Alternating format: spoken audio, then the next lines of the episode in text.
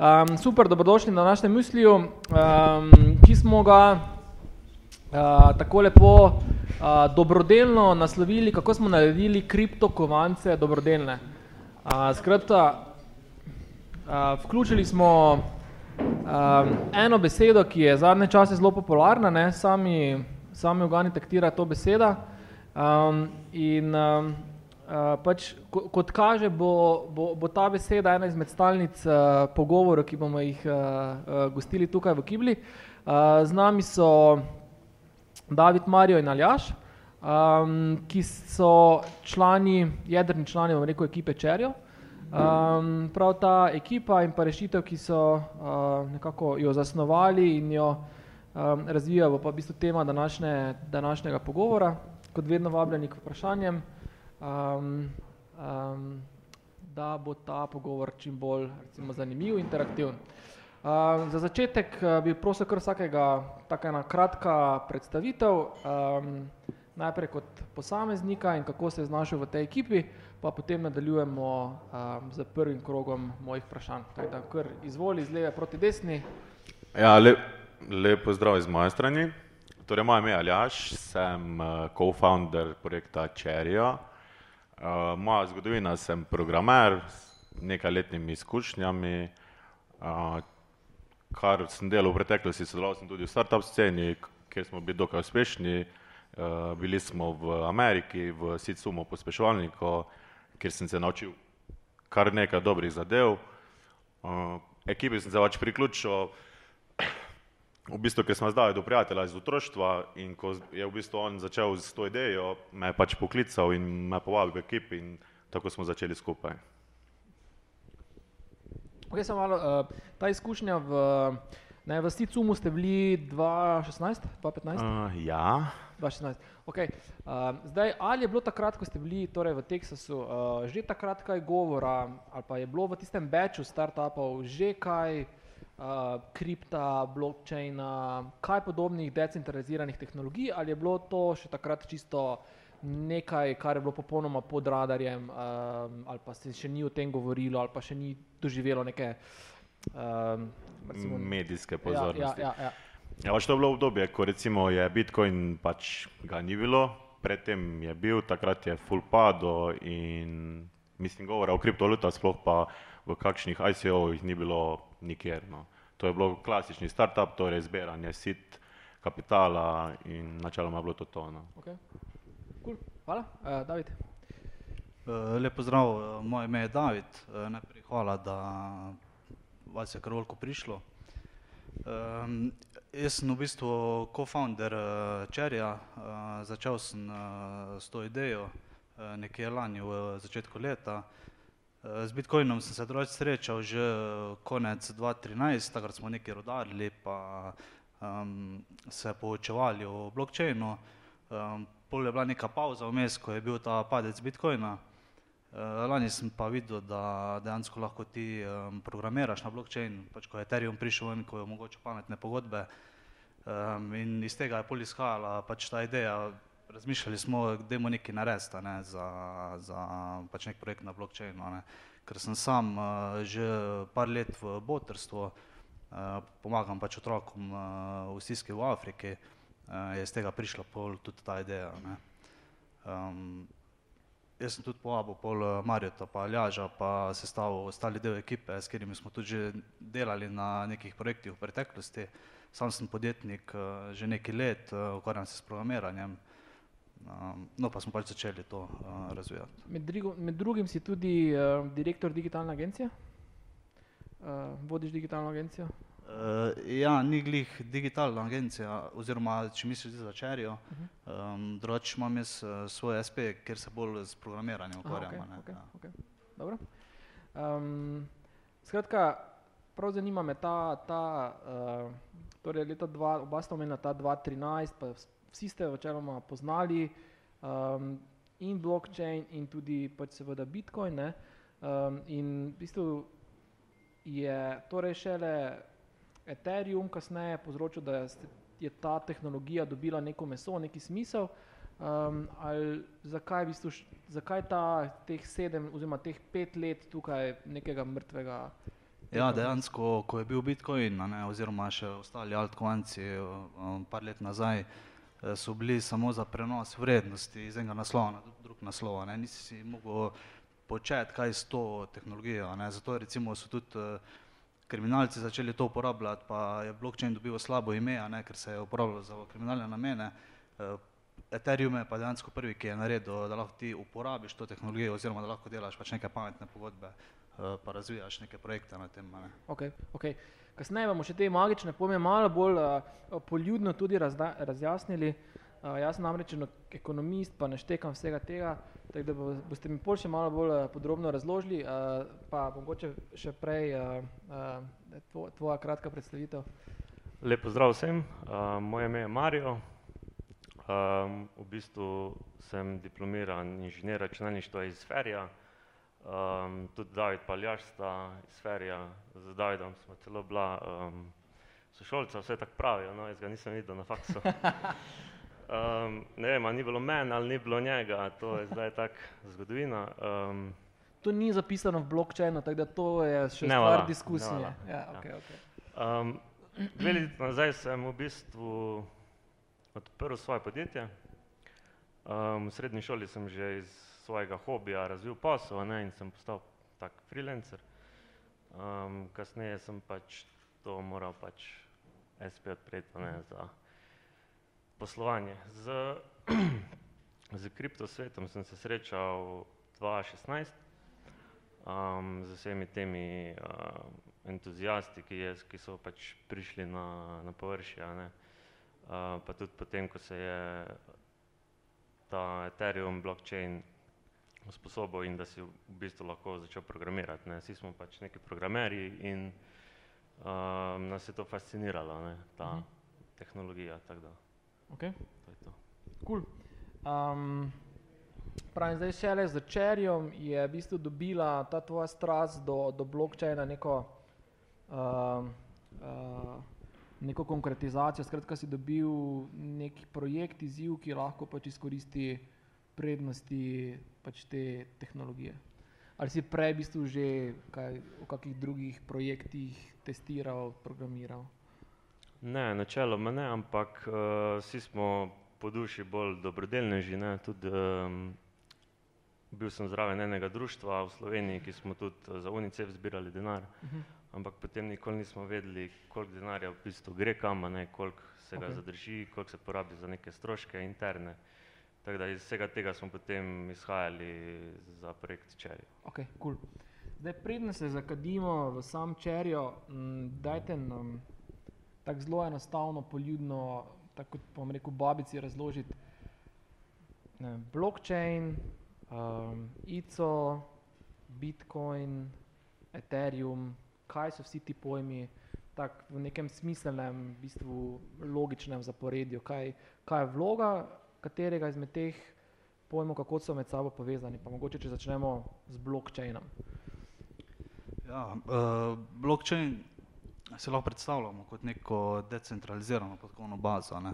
Oziroma, če povem na dejanskem primeru, recimo banka, um, recimo ti potuješ ne, po Evropi, um, si ga naenkrat obtečiš v Franciji, pa rečeš meni, da je uh, pošli mi tisoč evrov, nimam denarja, tu sem. Ne?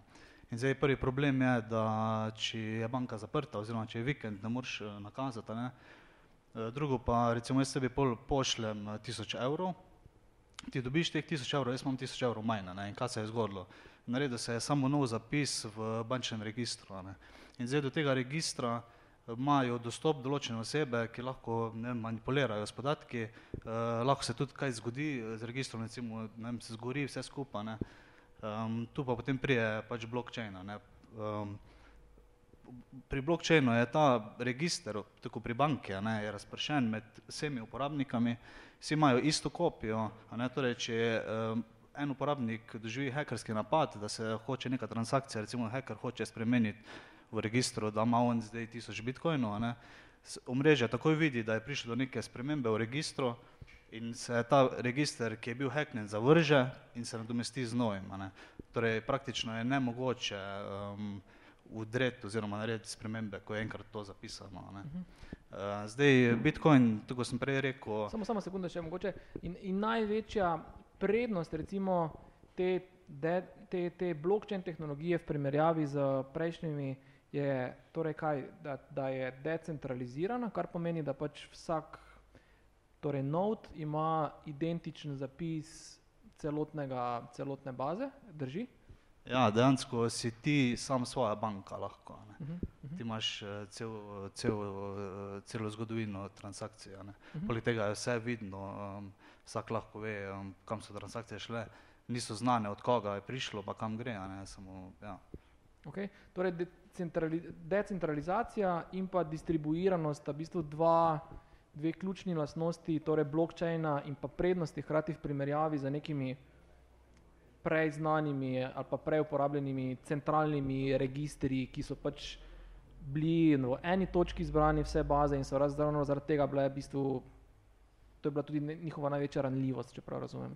Ja, tako je, recimo en pol dober primer je, če vzamemo eh, Dropbox, a ne, on, oni imajo neke serverje in če se poškodujejo tisti serverji, pa backupi, vsi ostanemo brez podatkov. Ne.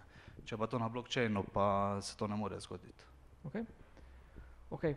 Uh, in zdaj, uh, samo da razumem, in pa pač blockchain, torej ta neka mreža, da funkcionira, potrebuje torej neke, neke člene te mreže in te členi so dejansko, Ja, dejansko to so um, minerji. a ne. Minerji v bistvu potrjujejo transakcije. ne. Ko jaz pošljem tebi recimo en bitcoin, eh, ta mreža minerjev preveri, če ima ta oseba, ki je poslala bitcoin, res toliko bitcoinov, ki jih je poslala. Ne. To se pravi, oni pogledajo celo zgodovino transakcij in potrdijo um, pač transakcijo, da če je uspešna. Ne. ok, in ti v zameno za ta neki procesorski čas oziroma pač za neke elektriko, bom rekel v narekovajih in pač neki procesorsko moč, v bistvu se na nek, se dobijo ti minerji oziroma rudari nagrado v obliki delčka Ja, bitcoina. nek fi dobijo. Ja. Okay, okay. Torej, to je zdaj um, načeloma ta um, torej blockchain. In pač uh, zdaj povezava med blockchainom kot tehnologijo in bitcoinom je pa kakšna? Torej, Ja, Bitcoin je dejansko na blockchainu. ne. E, torej, za delovanje Bitcoin blockchaina je potreben Bitcoin. ne. Bitcoin se pošlje, minerji delajo, da to mreže stoji. ne. Zdaj, polje pa Ethereum, a ne. Ethereum je pa naredil pametne pogodbe. To je pa recimo primer, če se mi dva, če se mi dva stavima, kako bo jutri vreme, a ne, ti rečeš, da bo dež, jaz rečem, da bo sonce, rečemo vsak da en Ethereum, se sprogramira pametna pogodba, se Ethereumi pošljejo na pogodbo, pogodba jih zadrži in ta pogodba drug dan sama pogleda, kako je vreme in sprosti recimo sredstva um, tisti Meni osebi, ki je zmagala. Ja. Okej. Se pravi, da smo izločili nekega posrednika, ki bi jamčil, da denar res dobi tisti, ki je dobo stavo. a Ne. okay, torej, zdaj, če malo posplošim, skratka, Ethereum je um, torej neka, neka platforma, ki temelji torej na tem blockchainu in omogoča neke pametne ali pa napredne rešitve, ki so znova decentralizirane, avtonomne, Ja. uh, v bistvu in preprečujejo vmešavanje neke tretje osebe v bistvu posle, ki so Ja, relativno pač neke dele kode lahko tja straniški nadomestijo uh, osebe. a Ne. Mhm, mhm, okay. um, prav. Um, je, imaš kdo kakršno koli vprašanje zdaj s temi osnovnimi pojmi? Blockchain, Bitcoin, Ethereum.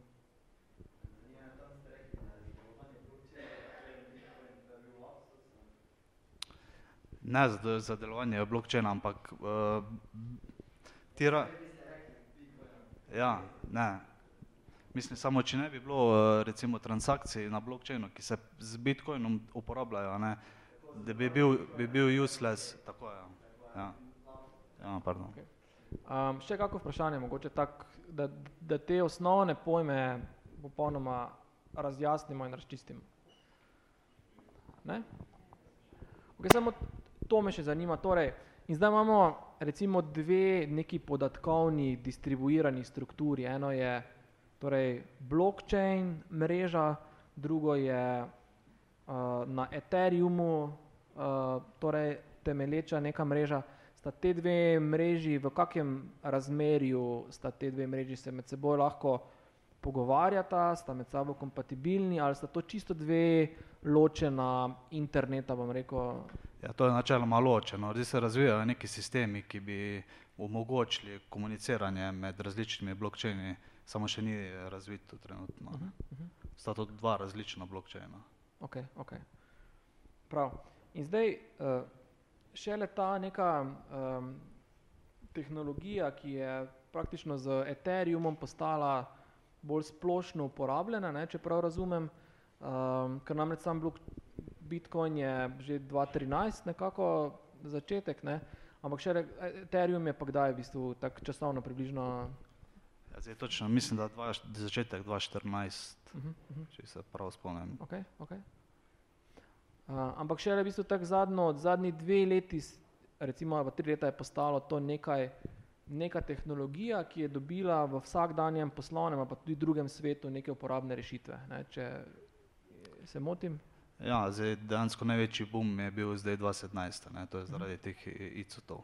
Uh -huh, uh -huh. um, In zdaj, kaj po vašem mnenju um, v bistvu sprožilo ta val nekih hitov? Ker tehnologija, zdaj, če smo v bistvu ugotovili, je že obstala, vem, 2013, 2014, ne? zdaj se je šele leta 2017 neki tak um, razcvet, um, kaj po vašem mnenju bo trvalo um, takemu razcvetu to vrstnih projektov? Ja, zdaj, um, eno je definitivno pač to zbiranje sredstev, um, začetnega kapitala preko kriptovaluta. Ne. Um, po moje je tudi to, zače, oziroma zaradi tega so začele cene rast, ker so se začele kriptovalute bolj uporabljati in uh, potem so pa tudi uh, dejansko drugi investitorji vstopili v ta trg, ne, ker so videli priložnost za služka. Uh -huh, uh -huh, okay. Ker dejansko na nek način je pač ne, ICO je lahko enako pač neki kickstarter na ne vem, do, dosti krat slišimo primerjavo ICO je Kickstarter na steroidih na nek način. Ja, zdaj um, recimo ICO, ne. Mogoče še to razložimo zdaj, kaj, torej zdaj vemo, kaj je Bitcoin, kaj je, kaj je blockchain, kaj je Ethereum, zdaj kaj pa zdaj ICO v tej celi zgodbi. Ja, ICO je, kratica je Initial uh, Coin Offering, ne, to je, um, izhaja iz IPO, uh, Initial Public Offering, to IPO je, ko dejansko delničari dajo prvo uporabo oziroma prvo prodajo delnic javnosti, ne, eh, preko ICOTA pa podjetja zbirajo pač začetni kapital ne, za razvoj nekega produkta. Um, podjetja pač izdajo nek svoj token um, in pač zberajo kapital s prodajo tega tokena. Ok, zdaj povedal si še en pojem, ki je, uh, ki je tudi sestavni del tega in sicer token oziroma žeton, kriptožeton. Ne? Um, zdaj, um, kaj je zdaj kriptožeton v tej zgodbi ICT in blockchaina? In, uh, ja, zdaj, uh, kriptožeton mora dejansko, če delaš ti nek projekt na blockchainu in če hočeš imeti kriptožeton, mora imeti ta žeton pomembno vlogo v tej tvoji platformi. Se pravi, da tvoja platforma naj ne bi delala oziroma ne bi funkcionirala pravilno brez tega žetona. Um, zdaj, recimo, če damo primer, uh, prodaje um, kripto, mislim, kino stopnic. Ne? Če ti, ti dejansko tokeniziraš uh, kino stopnico in ta stopnica se, ta token ne, se potem obnaša kot kino stopnica. Ne? Zdaj, če bi ti imel, uh, recimo, če ne bi imel tokena, ti ne bi mogel reči, da je zdaj, ne vem, Ethereum je pa zdaj moja kino stopnica. Ne? Uh -huh. Ti moraš svoj token narediti pa ga sprogramirati, kako se naj obnaša. Okay. Ali obstaja um, torej blockchain, uh, blockchain projekt brez tokena? Je to možno? Ali smiselno? Je možno in je smiselno, ja, odvisno pač zdaj od primera do primera. Um, je mogoče kakšen taki primer, ko je blockchain, ker se mi zdi, da to preveč enačimo, da blockchain projekt eh, je enako ICO projekt, je enako, je enako neki kriptožeton za neko vrednostjo. Je mogoče kakšen primer, ko je blockchain projekt brez nekega kriptožetona? Ja, zdaj bolj kot ne blockchain projekti brez, oziroma še ti imajo svoje žetone. Uh, ne vem iz glave. Ampak teoretično je to tudi smiselno. Skratka, jaz lahko uporabim to neko distribuirano, decentralizirano tehnologijo za, za zapise, eh, recimo zapise neke, nekih transakcij, eh, ki načeloma. Ja, eh, uporabiš lahko recimo Ethereum blockchain pa narediš, recimo lahko bi shranjevali vozniške na, na, na ta blockchain in ti bi potem s svojim private keyom dostopal do njih, ne, na različna načeloma token. Ok, ok, ok, cool.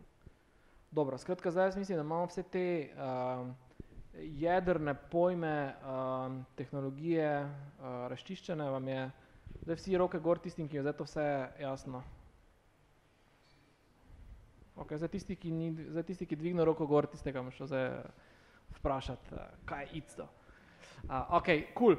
Uh, skratka, um, blockchain, um, tokenizacija oziroma poslovni model temelječ na kriptožetonih um, uh, in pa zdaj povezava z dobrodelnostjo.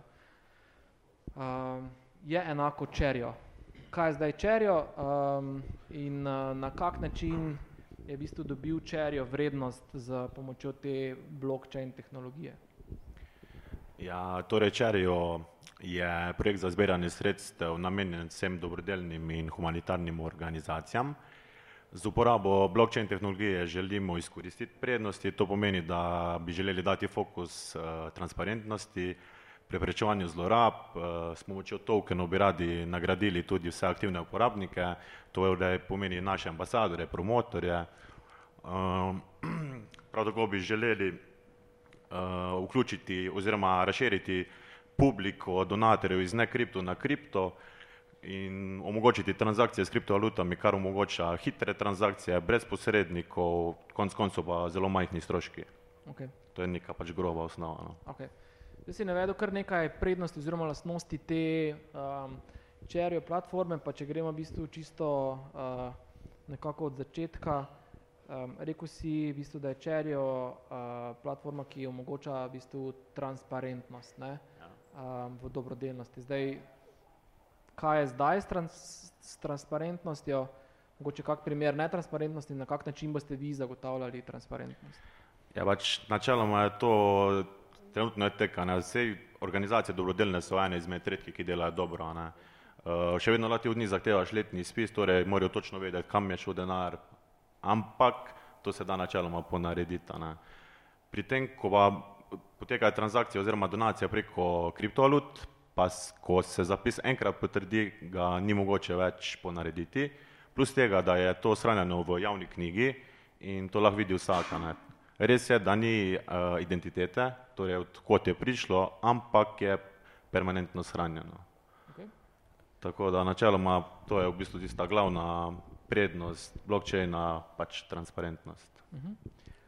Ok, in zdaj transparentnost eh, in torej, če zdaj gledamo končne uporabnike, uh, recimo mene kot potencialnega donatorja, uh, torej zakaj bi jaz doniral preko Čerja na mesto preko UNICEF-a? Zato, ker bom jaz na nek način lahko videl točno kam je moj, ne vem, eter v bistvu potoval, uh, ali zakaj bo to za mene, zakaj bo to za mene bolj prepričljiv način doniranja, kot pa recimo, da dam, ne vem, UNICEF ali pa kakšni drugi dobrodelni organizaciji. Ja, ne, primer zbiranja, pošlji SMS, ne, pošljiš recimo SMS za 5 evrov, a pa ve kdo, koliko sredstev je od tega densko prišlo do končnega uporabnika, pač verjetno ne. ne. To je pač en primer, ko uporabnik, ja, je dobrodelen, donira, ampak ne ve, dansko, koliko tega je prišlo do njega. Ne. Pri nas je pa tako, da ko bo nekdo doniral, bo vedel točno, zakaj donira, koliko je doniral, plus tega bo še nagrajen za to.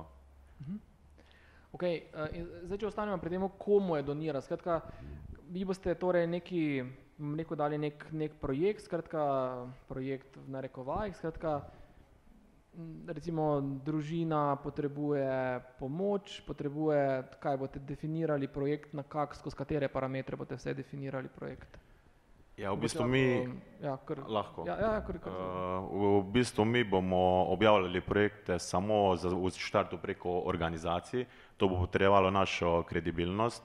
To pomeni, da bo v bistvu organizacija našla problem, uh, ki ga bo lahko potem objavila na naši platformi. Torej, ko govoriš organizacija, je neka dobrodelna organizacija, ki, je, ki ima dober pogled v največje, najbolj pereče težave nekih ranljivih ciljnih skupin in ta organizacija bo v bistvu preko platforme vpisala, vnesla nek projekt, vi boste ga kaj odobrili, ali v bistvu kaki bo proces? Uh, načeloma projekti bojo listani na platformi, imamo tudi v planu, da bi projekte potrjevali uporabniki, to pomeni z uporabo naših tokenov, samo tisti, ki bi imeli naše tokene. Poleg tega bi organizacija, da bo sploh lahko objavila, bo mogla zakupiti naše tokene kot neko vstopnico in jih zakleniti na pametno pogodbo. To pomeni, da bo v bistvu lahko kasneje brezplačno uporabljala pač našo platformo. No. Okay.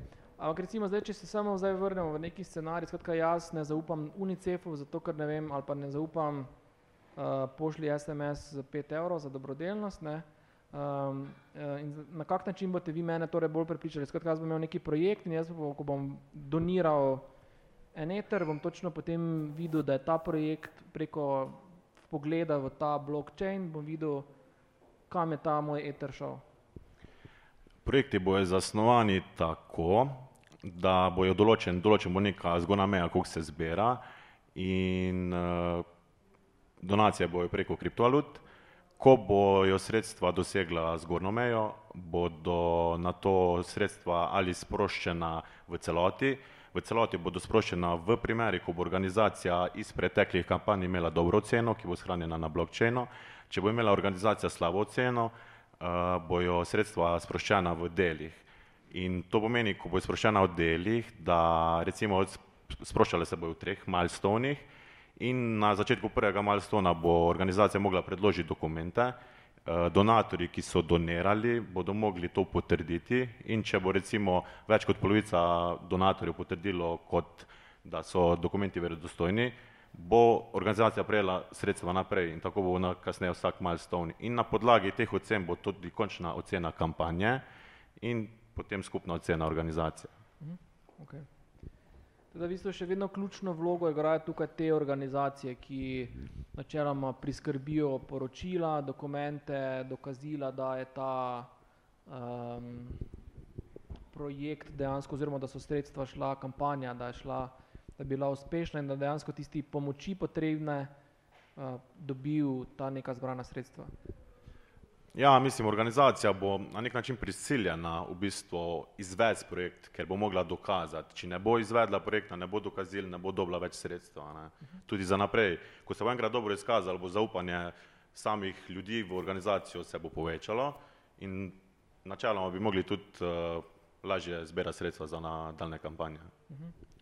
In tu še vedno ne, zdaj, če govorimo o teh potrdilih, dokazilih, um, tu znova ni nobenega posrednika. Skratka, ne vem, če bo uh, recimo uh, ne vem, nakup gradbenega materijala za eno pogorelo hišo, recimo kampanja, ne, um, bodo dokazila, ne vem, kaj, fotografija te obnovljene strehe ali ne vem, kaj, kaj bo dokazila in to, in to bodo znova tisti, ki so donirali sredstva, bodo potrdili, ali je to dokazilo ustrezno. Skratka, ne bo tu znova nekega posrednika, ki prav razumem. Tako je.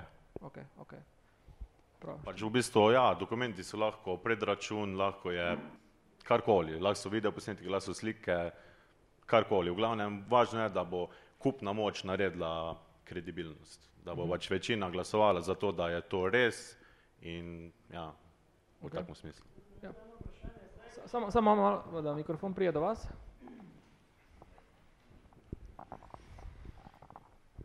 Zdaj, kakorkoli obračamo glede zaupanja, vsaka, Malo bliže. Ja, vsaka dobrodelna organizacija za svoje delovanje rabi neka sredstva, pa kakorkoli že obračamo stvari, ljudje se ukvarjajo z tem, da najde ljudi, ki imajo težave, da poskrbijo, da ta denar pride do njih.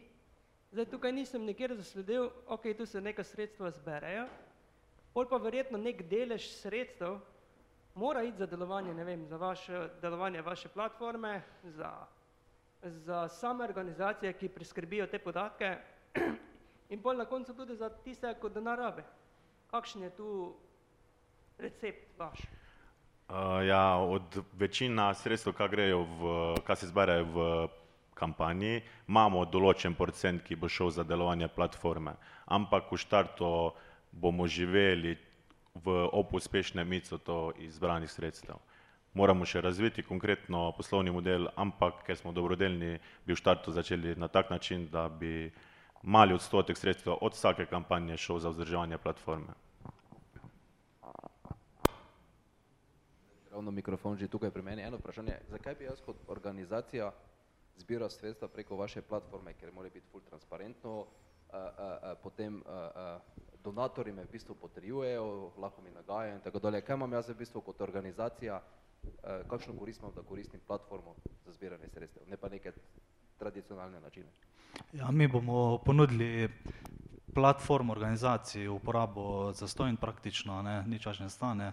Dansko vse, kar morate narediti, je, da kupite naše tokne in jih zaklenete na blockchain in v tem obdobju, ko imate vi tokne zaklenjene, lahko uporabljate platformo. Pol, ko tisto obdobje poteče, dobite vi tokne nazaj in jih lahko prodate oziroma naredite karkoli. Ne. Se pravi, da vi- mi vam ponudimo za stojn platformo, da jo lahko testirate, še zmeraj lahko imate tiste svoje stare modele ne, za zbiranje, eh, pač, za zbiranje sredstev, ki, ki jih pač zbirate, poleg tega lahko preizkusite platformo, ne, pa se pol sami odločite, kaj je, boljš, kaj je boljš za vas. Poleg tega imamo naš token eh, model tako razvit, da eh, poskušamo, da bomo poskušali ustvariti eh, community efekt, se pravi, uporabniki platforme bojo lahko postali ambasadori kampanje, ki jo bojo šerali po socialnih omrežjih in s tem boste vi dejansko prišparali na stroških marketinga. Ne. Dejansko, če vi šparate stroške, je za vas večji dobiček. Ne. Dobrodelne organizacije tudi morajo iz nečesa živeti. Eh, Ali je v vašem Mikrofon. del zbranih sredstev eh, da tudi dobrodelne organizacije, ki preko vaše platforme zbira sredstva, ali odkot bo dobrodelna organizacija sama dobivala sredstva za svoje delovanje. Zdaj, ok, vaša platforma je zastojn, oni zberejo sredstva, zdaj, koliko sem vas slišal, gre nekaj za vaše delovanje, pol pa bolj kot ne vse tistemu, ko denar rabi. Kako pa se pol sama dobrodelna organizacija preživlja, odkot dobiva denar za svoje delovanje? Danes ga dobiva od deleža zbranih sredstev. Kaj pa tukaj?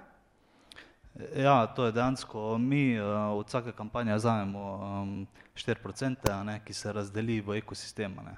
Uh, neki z, z določenim deležem so nagrajeni ti ambasadori kampanj, določen uh, delež dobi organizacija, določen delež pa dobimo mi z, z, za obratovanje platforme. Tako je. Ok, cool, hvala. Um, še kako vprašanje mogoče? Zdaj, ko se je druga vrsta že zagrela. Tretja vrsta, kako vprašanje? Ne?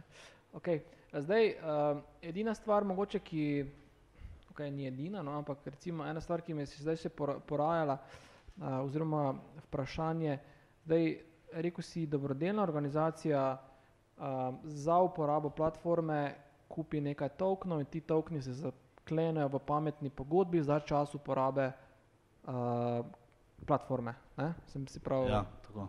Okay. Um, zdaj, um, ti tokeni imajo, torej bodo imeli neko vrednost, ker ti tokeni bodo kaj uh, v, v neki protivrednosti kriptovalute, uh, bo jih moč kupiti ali na kak način, kakšno vrednost bodo imeli, skratka konkretno, jaz sem, ne vem, UNICEF bom rekel, ne, in zdaj, kaj konkretno pomeni zdaj neki naslednji korak, jaz kupim, ne vem kaj, 100 tokenov, ki so vredni koliko? Ja, zdaj um, ICO cena recimo enega tokna bo 15 centov in uh, to je recimo s tem mi tudi po- spodbujamo organizacije, da se zdaj pridružijo, da zdaj recimo vložijo v naš projekt, eh, dobijo tokne, zaradi tega, ker več organizacij, ko bomo imeli na platformi, manj bo dejansko toknov na trgu. Ne? In eh, na podlagi tega bo cena rasla. a Ne? Uh, čeprav mi bomo, tek, tek, bomo um, določali ceno kampanj, eh, tudi glede na vrednosti tokena, da se pravi, da ne more zdaj, če bo token full zrastel, da bo zdaj eh, organizacija mogla pač dejansko full denarja zaradi to dati. a Ne.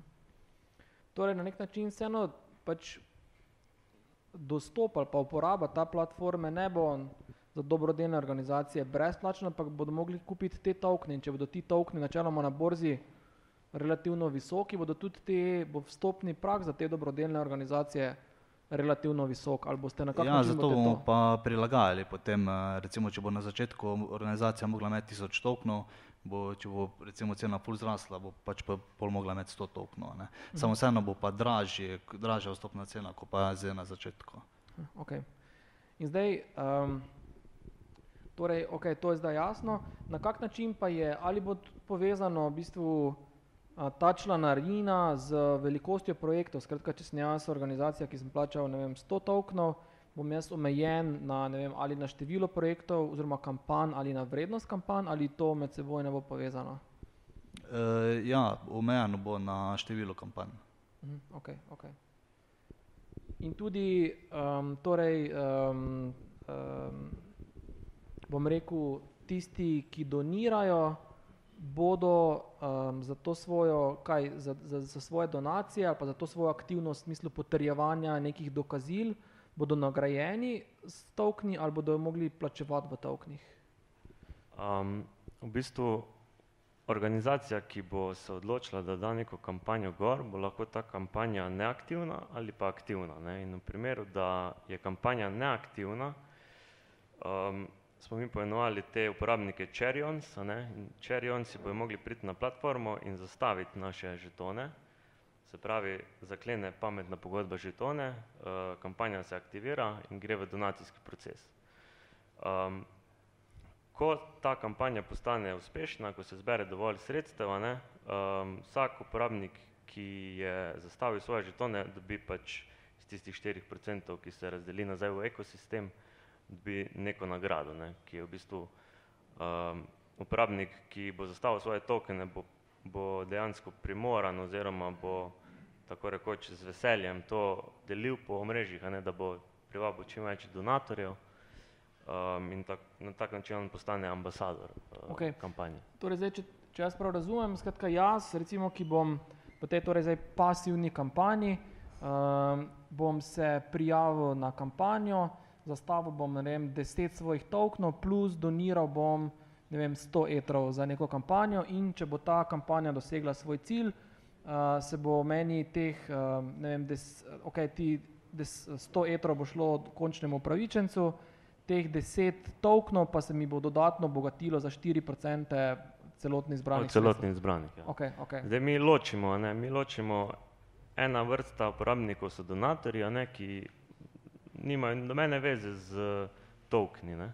Se pravi, donatorji so lahko babice, eh, vem, dijaki, študenti, ki, ki se ne spoznajo na kripto, um, donirajo v kripto, ampak nimajo naših žetonov, drugi so pa cherryons, ki podpirajo projekt, projekte, ki so gor na platformi. Mhm, okay. In ravno ti, ti cherryonsi, v bistvu na te računate, da bodo vaši ambasadori in s pomočjo tega, ker bodo oni imeli tudi, bom rekel, profitni motiv, da delijo kampanjo v svojem krogu, uh, imajo čisti profitni motiv, da bo ta kampanja uspešna, ker bodo potem svoje tokne na nek način obogatili. Tako, ja. Okay. Okay, na kak način pa bo moja, uh, moja mama v bistvu donirala uh, sredstva potem preko, ki nima Ja, kripto, kripto računa ali pa. To je, to je načeloma dobro vprašanje. Zdaj na začetku bomo imeli samo prek Ethereuma. Ne?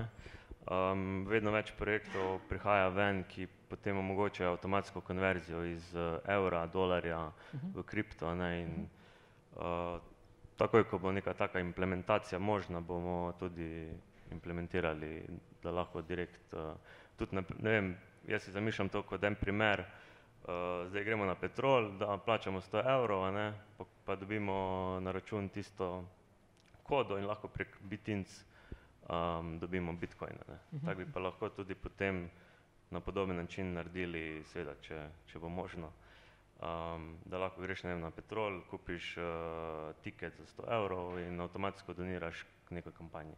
Ok, ok, cool.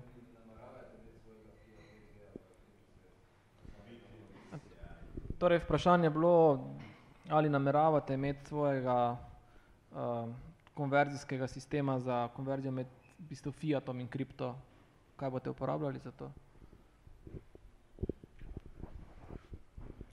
V štartu hočemo promovirati, da bi pač vsaka organizacija si ustvarila svojo denarnico, pa da bi mi nakazovali sredstva v kriptovalutah, ker tu so še manjši problemi, ne, sploh pri davkih, še vedno ni jasno, koliko davka se plača in to bi bilo ne delo same organizacije. Mi omogočimo z, našim, z našo platformo, da zbere sredstva, pri izplačilu pa zaenkrat bi, mislim, pomagamo jim vse, ampak najlažje je pa, da ima organizacija svojo denarnico. In to lahko recimo naredi na Bitstampu kot primer, ne da promoviram, ampak je dejansko res najlažje. Uh, za naprej pa ja, če bomo dobili sodelovanje z kakšnim Bitstamp, Bitinso, bi lahko naredili tak gateway, da bi bil, bila avtomatska konverzija iz Fiata v okay. kripto. Okay. Samo ena stvar. Smo pa dejansko že v pogovorih z, eh, za partnerstvo z enimi, ki jih pač ne morem eh, imenovati, ki bojo omogočali eh, konverzijo eh, fiat kripto pa kripto fiat. Ne. Nam bojo oni še tisti zadnji korak, eh, tudi oni bojo dejansko jamčili, da je organizacija, ko je dobila kriptovalute, takoj um, konvertirala to v fiat.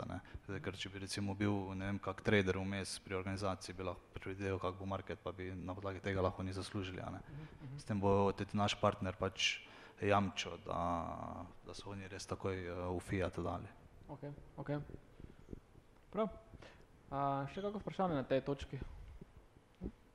Tam zadaj, a, Luka, a, pa kar na glas, prosim, povej, a, oziroma mikrofon. Čakaj, čakaj, čakaj. Uh, moje čisto tako laično vprašanje je v bistvu, če si, če si predstavljam, da sem zdaj jaz dobrodelna organizacija, ki hoče zgraditi ne vem, neko šolo v Afriki in zdaj zbiram ne vem, x količino sredstev in vsi vemo, kako so, kak te kriptovalute nihajo uh, in v bistvu čez celotno to kampanjo se zna zgoditi tako, da lahko v bistvu vrednost teh donacij v bistvu zelo, zelo pada. Ampak po drugi strani cena tistega cigla pa tiste opeke pa bo še vedno enaka. Tako da kako pač mislite, mislim, to uravnati. Ker vseeno je razlika, ne? če ti nakažeš 100 evrov v dobrodelno organizacijo, drugi dan pa je to vredno 50 recimo. Ja, eh, zdaj zaenkrat v začetku imamo eh, fiksno v Ethereumih določeno, ne?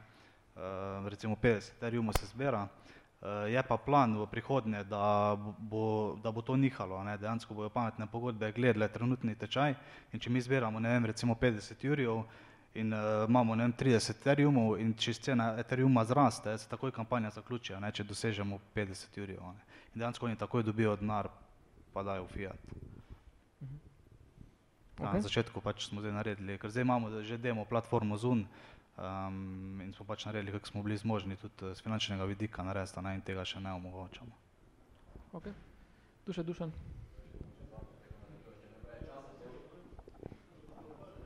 Torej večina ali pa bom A, rekel, v- Vklopi mikrofon. skoraj 90% vseh hitotov se, se izvaja na Ethereum omrežju. Ne? To pomeni, zdaj vemo, da Ethereum ima določene težave, upamo, da jih bo rešil, vi tudi upate. Kaj, če Ethereum ne reši tega? Ste pripravljeni na plan B, iti na kakšno drugo platformo in tako dalje?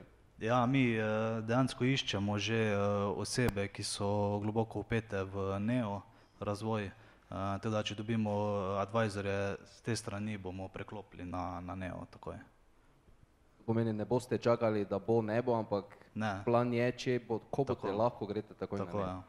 A, Glede na to, da je Neo v bistvu kitajsko podjetje, se bojite kaj kitajskega regula regulacije in tako dalje? Ja, zdaj je potem to Kitajs- neke vrste kvazi centralizirano. Ja, se, mislim, neko vprašanje zmerno obstaja, kaj pa če. Ne? Zdaj uh, mi bomo pač provali po najboljših možnih uh, uh, močeh narediti. Zdaj, če bo en blockchain nam skinili, bomo pač na druga. Saj Smo, večina ekipe je programerji oziroma smo neki inženirji, ne, teda bomo že, uh, bomo pač lahko se preklopimo hitro. Cool. Okay, zdaj pa, um, če zdaj pustimo, torej, zdaj mislim, da dobro razumemo, kako bo ta cela čerijo platforma uh, delovala, pa če se zdaj v bistvu malo posvetimo samo še v bistvu nekemu, nekemu razvojni poti te platforme. Skratka, mogoče razložite, kje ste, uh, kdaj ste začeli to razvijati, um, kje ste danes uh, in kdaj, kaj so neki potem naslednji um, koraki razvoja, v bistvu, da bo to v polni meri zaživelo. Torej, z idejo smo začeli lani. ampak načeloma je bila samo ideja. Idejo smo razvijali nekaj mesecev, uh, na to smo pač v bistvu zdaj pred kratkim pa sodelovali na mednarodnem hekatonu, uh, Future Hack, uh, ki je bil organiziran iz strani Future of Humanity. Tukaj smo mi razvili MVP, torej tudi z podporo pametnih pogodb. Uh, mislim, če še ne veste, smo uradni zmagovalci. Uh, in to je bila v bistvu neka točka, iz katere bomo sedaj izhajali. Uh, platformo bomo sedaj razvili naprej, torej naš MVP trenutno še ne podpira pametnih pogodb, to je naša naslednja točka. Uh, dodali bomo nove organizacije, nove kampanje, uh, ja, pol pa sledi ICO. Okay. Mogoče, če se pri tem mm, milestoneu, pri tem future hacku uh, ustavimo, zakaj je bil ta future hack tako pomembna prelomnica uh, na nek način za, za to v smislu konkretizacije platforme. Ja, to je v bistvu bil uh, hackathon, uh, ki je namenjen uh, uporabi blockchain tehnologije za razvijanje projektov na nivoju United Nations, torej Združenih narodov. In to je v bistvu za nas bilo kar, kar konkretna promocija. No. Sedaj smo dokaj razpoznavni tudi v tujini in mislim, da imamo dobro izhodišče, no, da zapeljamo stvar do konca. Ok, ampak pred, recimo zdaj, če vzamemo stanje pred Future Hackom, vi niste imeli nobene, torej ta platforma ni bila konkretizirana, je bila samo ideja ali ste v bistvu že vseeno imeli nek prototip, nekaj narejeno in potem ste samo to vnovčili, bom rekel, na tem Future Hacku? V bistvu ideja je bila, imeli smo landing page, imeli smo white paper, uh, sam MVP platforme pa dejansko še nismo razvijali. Bila je, bilo je neko ogrodje, ampak totalno brez pametnih pogodb. Mi smo na hekatonu iz nič razvili pametne pogodbe, ki so dejansko de, delovale. Uh -huh. Tako okay. da, ja. Okay. Zdaj pa to, da bi se ti na hekatonu razviješ um, pametno ali pa bom rekel, kaj to je uh, algoritem za pametne pogodbe. To pomeni, uh, je to tako enostavno razvit ta algoritem ali ste vi taki super programerji? Ja, ne vem, mislim, če zna, če kdo vlada to soliditi, je pač legenda. No. Mislim, to je tak jezik, ko se ga ne moreš naučiti. Primeru kode je full. Uh, kako recimo smo mi delali, imamo enega mislim, eno osebo, ki je tudi tu, ki je postal dokaj dober v programiranju, ampak si je pomagal s primeri drugih pametnih pogodb. Ni dejansko neke konkretne dokumentacije, obstaja, ampak že sama koda po sebi, sintaksa je zelo težko berljiva in ja, to je kar težko, težko delo. No? Pa imeli smo mentorja, ne, Hekaton nam je ponudil pač mentorja, ki uh, mislim, da ti koncesijsko so eni izmed boljših na svetu, so bili naši mentorji. Okay.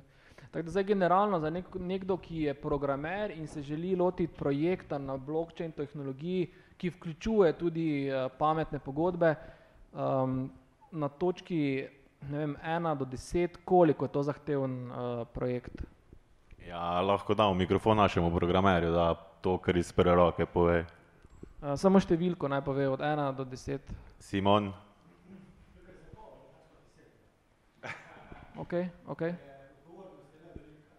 Ne pustimo zdaj odgovornost, recimo tehnično zahtevno, ne, eh, recimo spisati mobilno aplikacijo, pa potem spisati protokol pametne pogodbe, jaz sem like, daj, daj, dajte neko primerjavo ali pa da ja. bom vzeli neki občutek, kaj je to eno in drugo narediti.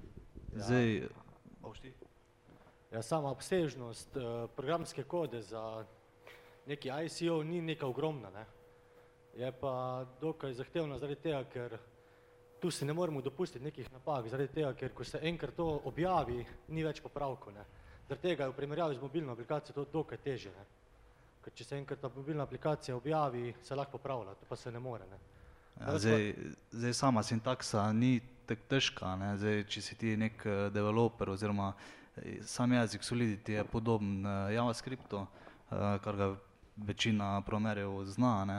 Teda vse da hitro net priti, samo ima pa svoje funkcionalnosti, pa svoje finte, ne, ki jih moraš pač naštudirati, zakaj ti deluje. Poleg tega je težje debugati kodo, kodo ne, da priješ ti do nekega, da ugotoviš, kak bug dejansko imaš. Ne.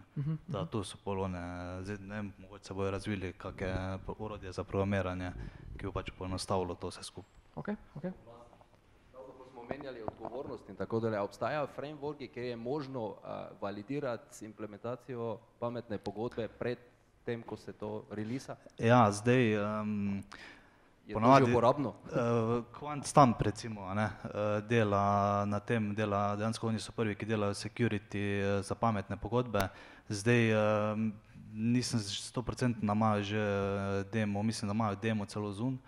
Um, drugač praksa pa je, da se da uh, recimo neki x osebi, ki ima izkušnje z razvojem na, na blockchainu, da uh, auditira to kodo, ne, da pač eliminira bage. Ker sam, če sam razvijaš, ne moreš sam pregledati kode. Ne. Recimo s Simonom tudi mi dva skupaj sodelujemo, ne, recimo on programira, jaz gledam malo, kaj dela, eh, da tudi včasih jaz vidim neke napake, kaj on ne vidi. Ne. kar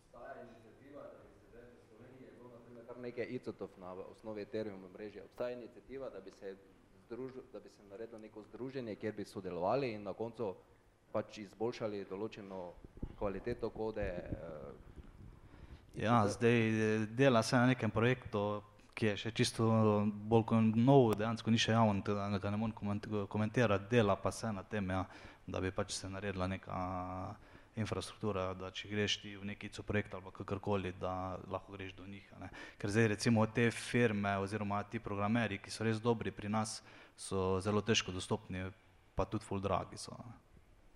Okay, koliko, kaj pomeni full dragi? Tak v primerjavi, mislim v količniku govorimo v primerjavi. Ja, od 10 ur do 50 ur, take cene so. Mhm. Recimo en dan dela validiranje 10 ur. Okay.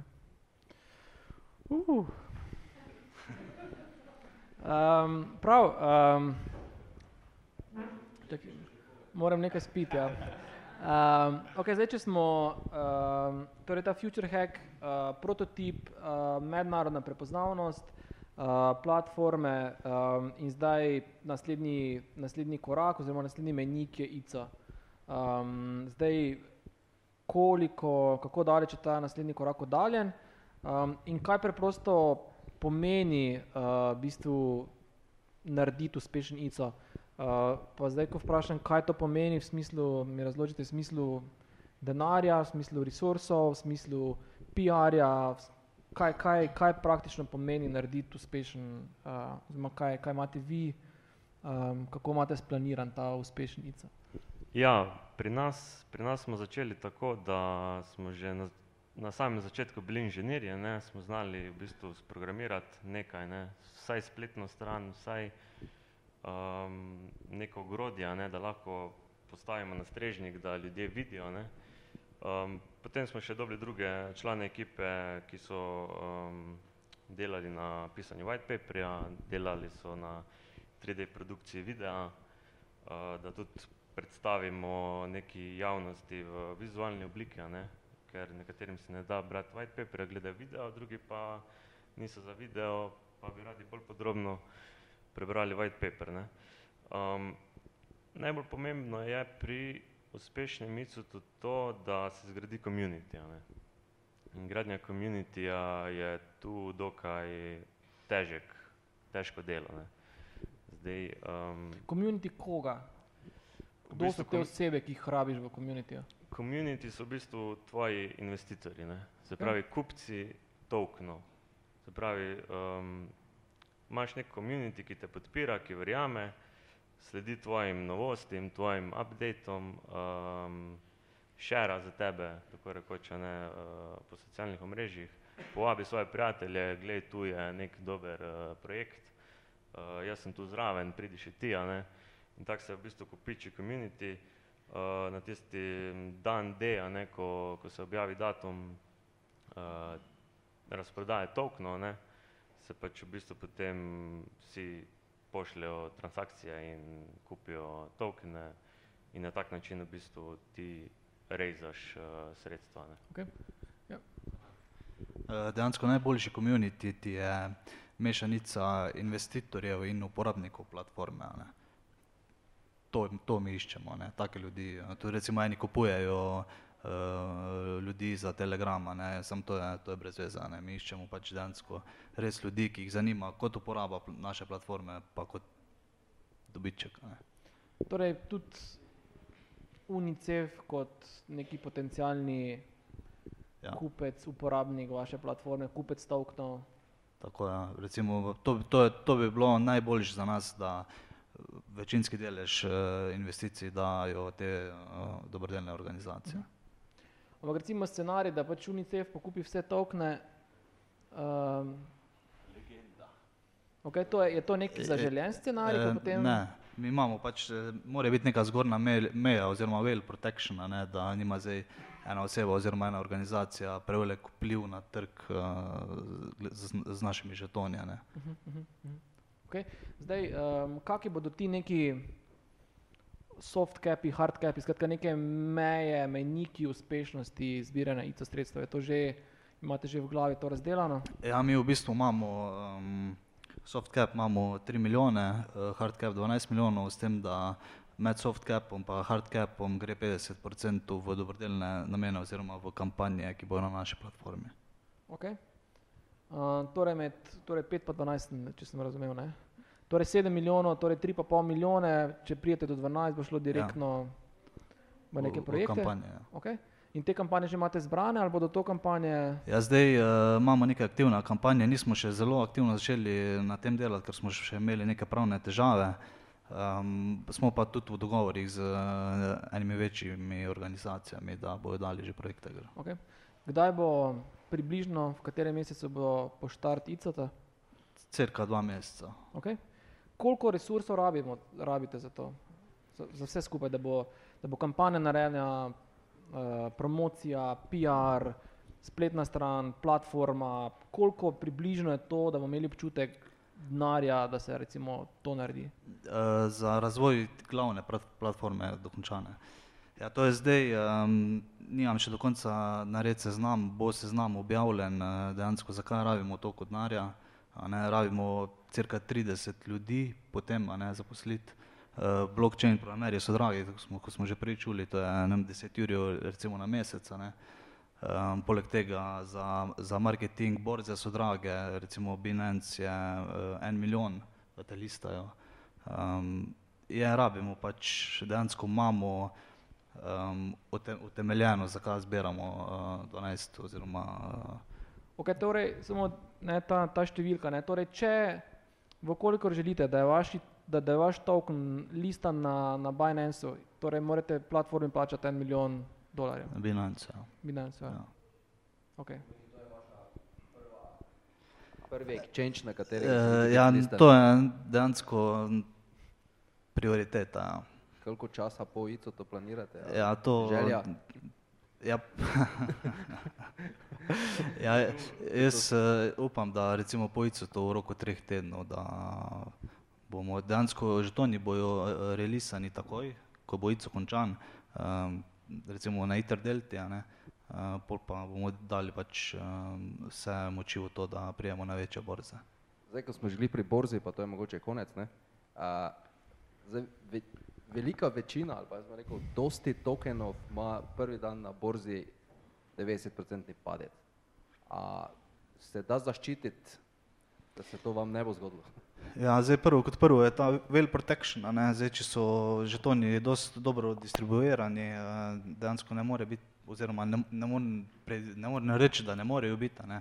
Eh, Zdaj sam investiram v icote, eh, investiram v potencijalne icote in eh, dejansko se mi ne dogajajo take stvari, ne. Večina icotov, ki pride ven, so vsaj dvakratnik prvi dan na borzi, ne. Zdaj, zato mi tudi, zdaj recimo naš ICO datum ni fiksiran na dva meseca, ne, ampak bomo se tudi prilagajali glede na kak community bomo imeli. Ne. Hočemo iti z dovolj močnim communityjem ven, da, tudi, uh, da bo dejansko tudi cena tokena nad ICO vrednostjo, ko pridemo na borzo. A, kar, um, um, mogoče samo c- preden, preden uh, zastavite vprašanje, še kako drugo vprašanje. Da, a, sicer mi je zelo všeč, da je druga vrsta tako aktivna, ampak uh, samo da bomo dali priložnost ostalim, prvič, drugič, tretjič, nič, super, izvoli. Pa samo mikrofon vklopi pa blizu, da vsi slišimo. Hvala. Ko bo se ICO štartal, ne, bomo mi potencijalni investitorji lahko te žetone kupili. Ne. Zdaj investitorji ziher imajo nek ekonomski interes, da bojo nekaj zaslužili. Zdaj nisem čist prepričan, če sem prej eh, prav razumel, ko jaz kupim vaš žeton, postanem čerion ali šele takrat, ko se ta, ti žetoni založijo v eh, kompaniji, kdaj jaz lahko pričakujem nek delež tistih štirih procentov, a kako mi kot investitorji potencialni lahko seveda pričakujemo nek Dobiček. dobiček. Ja, mi imamo naš ICO zasnovan tako, da bomo imeli eh, pred glavnim ICO-tom, bomo imeli public eh, pre-sale, ne, ki bo, ki bojo trije tiri, a ne, različni bonusi bojo, ne. Zdaj mi imamo demo platformo že live in ti lahko doniraš na tisti naši platformi, lahko deliš kampanje, dejansko lahko že ta community efekt delaš, s katerim dobivaš pike, ne. In zdaj več pik, ko boš zbral, v višji tir za bonus boš padel uh, v tetmo public pre-sale. Torej, če hočeš res, um, da se ti gre res za dobiček, ne, moraš biti full aktiv na naši platformi uh, in boš dal večji bonus zaradi tega, ne. In preko, te, preko tega proof of charity smo mi to poimenovali, preko tega mi tudi hočemo zbildati zdaj community za, oziroma pač bazo investitorjev, ne. Pa verjetno te zanima tudi, kako bo zaslužil. Torej, tako kot je že kolega prej omenil, kampanje bojo imele opcijo aktivacije. Ti boš lahko svoje žetone vložil, torej boš aktiviral kampanjo, jo boš kasneje promoviral. Če bo kampanja uspešna, to pomeni dosegla več kot 10%, boš od 4% določen procent dobu nagrade. To je ena izmed glavnih nagrad. Plus tega, da bomo dodali menjavo točk, torej točke, ki se bo zbirale v programu Proof of Charity, torej da boš ti delil kampanje, karkoli promoviral charity, boš lahko kasneje tudi zamenjal za tokene. Ja, pa na, pa na te točke, ki jih boš zdaj v predicotom zberu, bo na koncu še airdrop, a ne, na podlagi pač koliko točk si, si izbral. Kaj bo na te točke, nisem razumel. um, airdrop, ne, airdrop je dejansko, ti boš uh, neke točke zbiraš na naši platformi, a ne, recimo imaš 5000 točk in mi bomo pol naredili neko konverzijo, koliko naših tokenov dobiš za stojn zaradi tega, pač koliko točk imaš, a ne. Aha, to je neki bonus. Recimo. Neki bonus, ja, na, na wallet bo pač priletelo, bodo naši tokeni ti prileteli. Ok, ok, ok. Cool. Dobro. Uh, še kako vprašanje mogoče? A druga vrsta, druga vrsta z, se zadržuje, prosim. Vaši tokeni so zaklenjeni v pametni pogodbi, uh, dokler se druga, druga vrsta, tretja vrsta ne aktivira. Um, dobro vprašanje bodo nagrajena. Ok. Ja, mislim, da imamo že dve nagradi. Pa še bonus zraven, jaz mislim, da glede na to število vprašanj. Okay. A, ok, evo, evo, za bonus. ne. Eh, za, malo bi se vrnil za nazaj, zanima me, zakaj Neo platforma. Če se spomnimo, kaj se je zgodilo včeraj, morda. Uh, nisem bil, ne vem, kaj se je zgodilo. Ja, v bistvu padel mi en not in padlo mi celo mreže. Ne? To pomeni, da Byzantine fault tolerance je pri njih konkretno pod vprašanjem. Ja, pač glavna, eh, oziroma zakaj ne, ne, mi eh, em, večjo skalabilnost ima, ne, več transakcij zmore, poleg tega glavna ena taka lastnost je, da je brez ne. Glede na to, da imamo mi voting, um, vsak zapis na blockchain stane, pri Neo to pa ne, a ne. Da to, to dvoje je ena izmed pa, Ključnega pomena. Ne? In Zdaj pa, če pač to pade, pade vse. Ne? Ja, zdaj eh, Ethereum je zaenkrat najboljša možna varianta, ker, ima, ker je tako močna. Ne. Hvala. Nekaj, prosim. Okay, pol kile češnj gre, potem prišanko dobiš. Um, ok, še kako vprašanje? Aleš, Uh, Zdravo, mene pa zanima tako čisto vaše osebne se pravi, ambicije po ICOT. Kaj se bo dogajalo potem z vami? Uh, kaj si sami obetate od ICOT-a? Uh, boste si potem vsi lampote kupili ali, uh, in pozabili na čerijo? Ali v bistvu, Mi imamo dejansko um, že lambote. dogovor.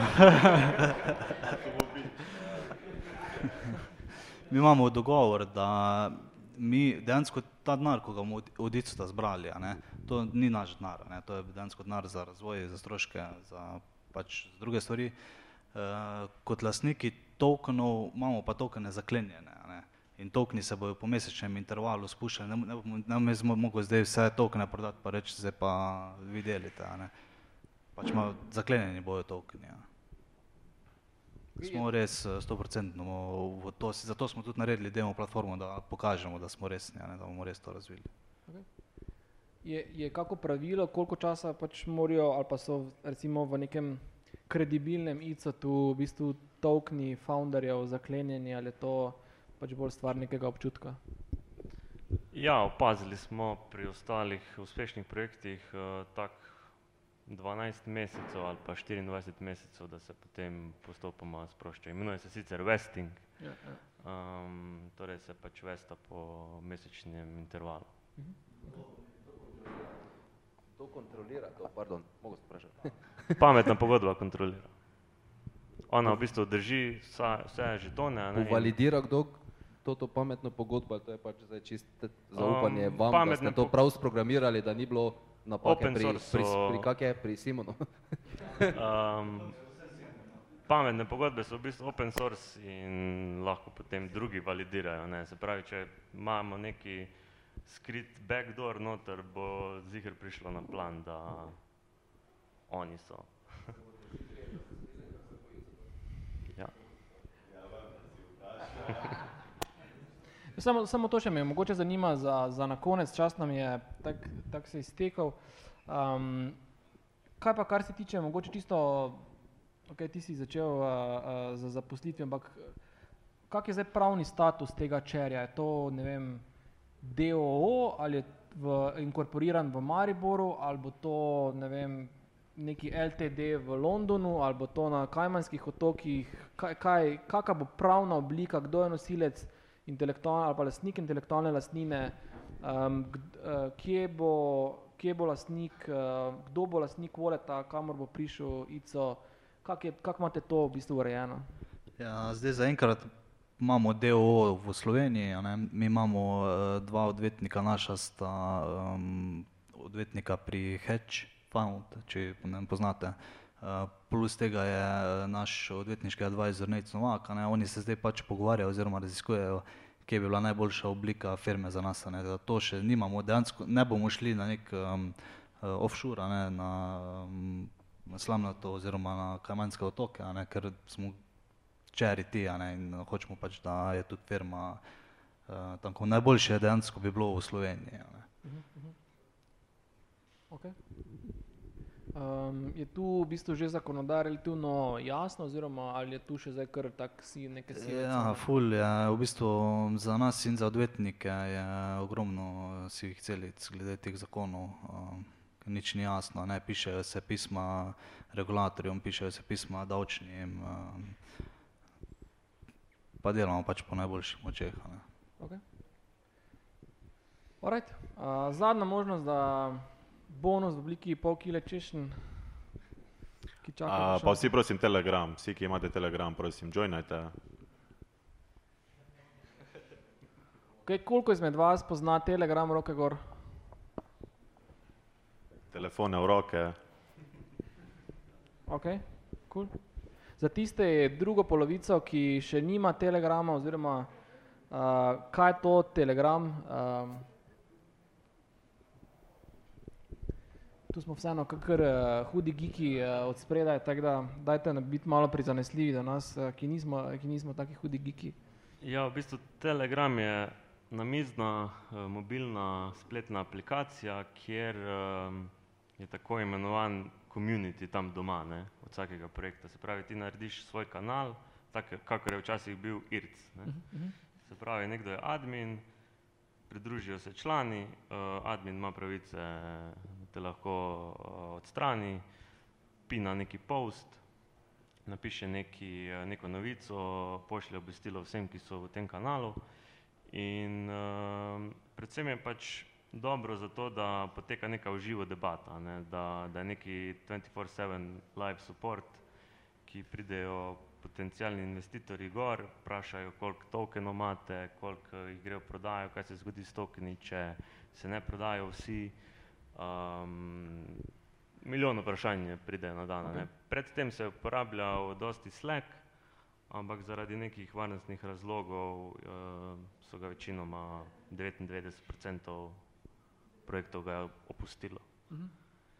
Tako da zdaj so vsi prišli na, na Telegram, um, ki je dejansko glavna komunikacija. Okay, ampak to je v primerjavi, ne vem, to je pač neki WhatsApp kanal, like, ampak to je bolj kaj, neka bolj modna muha, ki je zdaj pač prišla skupaj z ICT. Ja, ja, to... tako. Okej. Modna muha.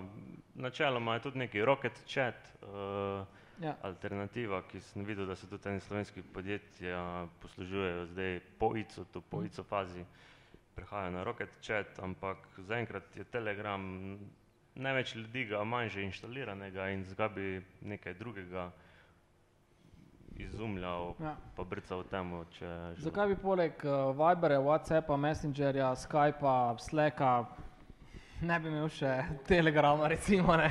okay, cool. Ja.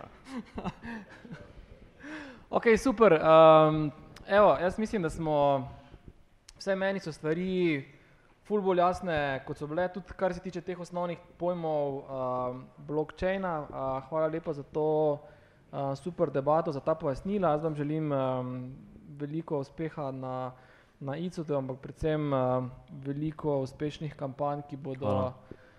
um, rešila kako življenje ali pa polepšala kako življenje. Um, naslednji teden um, Andrija Šulic iz Renderspacea, gost na spletnih ulicah, govorili bomo o uh, delu, uh, o delu UX dizajnerja v eni veliki agenciji in kako v bistvu preklapljati in delati različne um, uh, torej projekte. Matej? A, ok. Um, evo, in še en EPP vložek, torej naslednji uh, četrtek, torej v torek startup oziroma spletne urice, v četrtek pa organiziramo eno ekspedicijo k našim sosedom uh, v startup skupnost v Graz. Um, tako da um, organizirali bomo en avtobus, uh, da gremo na njihov startup musli slash uh, spletne urice, ki ga imenujejo Startup Šprica. Ne, um, uh, isto poteka ob sedmi uri, uh, tako da um, torej, avtobus bo organiziran iz Maribora, brezplačna udeležba na Startup Maribor, Facebooku bomo objavili, tako da uh, prijavite se, gremo skupaj na obisk k našim sosedom, močna skupnost, vsi tisti, ki imate interes se povezovati, se družiti, ki vam je mogoče Avstrija tudi neki ciljni trg, seveda dobrodošli, vse bo znano, vsem boste obveščeni, tako da to je to, šank se odpira, srečno in hvala lepa. Hvala. Ja.